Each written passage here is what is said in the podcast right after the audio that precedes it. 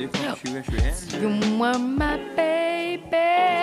Started when we were younger. You were my, my boo. Hei, velkommen til UKM Podcast. Her er vi, tre folk, to jenter og en med hikken. Og det er 1. februar, og i dag skal vi bare snakke om litt forskjellige ting. Så dere kan få lov til å introdusere dere sjøl først. Ja, jeg heter Amira, og jeg er 17 år gammel. Jeg heter Shahad.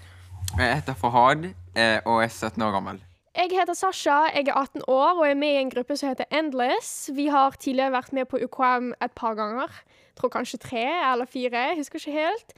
Og her har jeg med meg tre stykker som aldri har vært med på UKM før. Så jeg vil bare spørre dere, hva fikk dere til å melde dere på UKM? Jeg fikk jo vite dette her via Shadowfad, og jeg tenkte det virket spennende. Så jeg eh, prøvde det ut en mandag, og så likte jeg det, og så har jeg egentlig bare fortsatt med, fortsatt med det.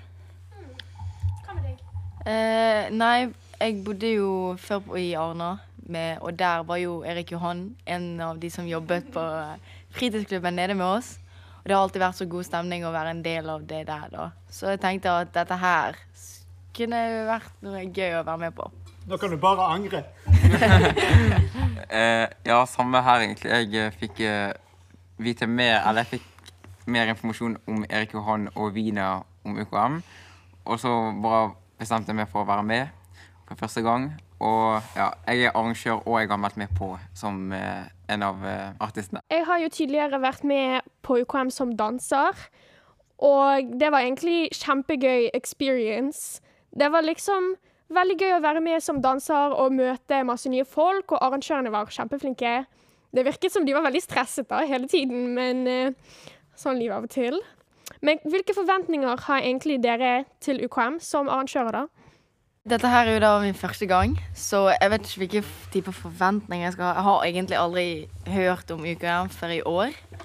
Men jeg vet ikke, med tanke på den pandemien som da går rundt, så vil jo man være med på så mye som mulig som er sosialt. Så det virker som det kommer til å være en gøy opplevelse, noe å være med på. Ja, hvordan har det vært for deg å være vekke så lenge fra fritidsaktiviteter og sånne ting? Eh, Jeg driver jo med, eller trener på treningssenter og driver med volleyball, så treningssenter var jo stengt en liten periode. Så jeg måtte prøve å finne andre alternativer, som hjemmetrening eller videoer på YouTube f.eks. Men, eh, og volleyball også, var, jo også stengt en liten periode. Men, eh, så det åpnet for en uke siden, men det har vært greit, for jeg finner jo løsninger uansett. Og så har jo jeg ikke hatt så mye idrett på skole heller, siden det var hjemmeskole en periode òg. Men jeg har funnet andre løsninger. Eh, Ja, jeg synes det var ganske kjedelig nå. Eh, Det var sånn periode der det var stengt.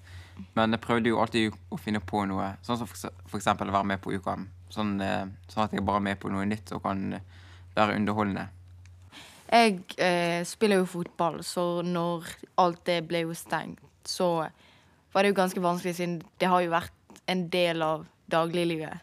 Så når det plutselig stoppet, så var det jo ganske tøft å finne andre ting å gjøre på. Vi skal ha en festival igjen etter så lang pause for alle slags kulturaktiviteter osv. Hva slags betydning tror dere det kommer til å ha? Jeg tror det har ganske stor betydning for eh, de unge spesielt. da.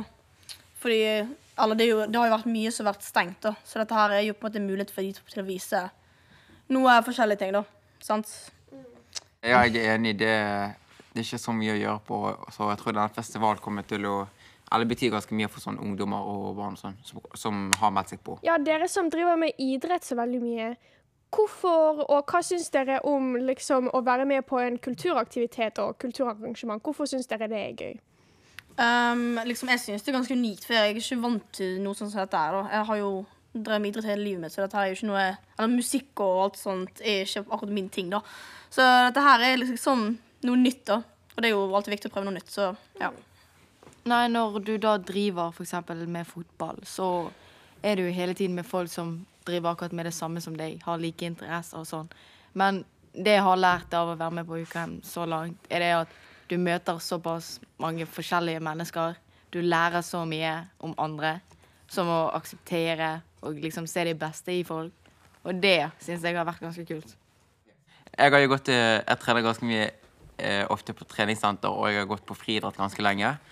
Og jeg ser liksom helt forskjellige folk når jeg trener og når jeg er på UKM. Og det syns jeg er ganske sånn spesielt og spennende. Er det noen egenskaper dere kan ta fra deres fritidsaktiviteter og liksom bruke på UKM igjen? Eh, ja, selvfølgelig. Som det å kunne da være sosial, sånn egentlig. Spesielt, jeg er jo også fotballdommer.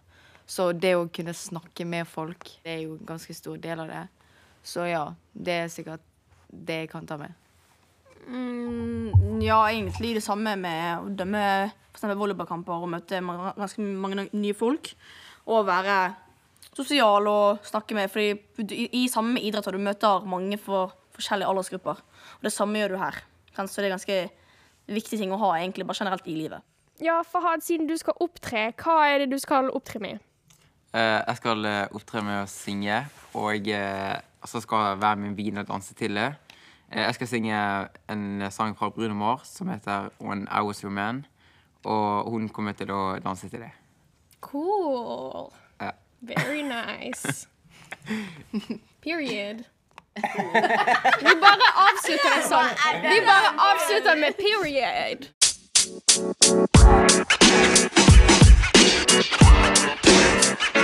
You know, man. You know, man. You know, man.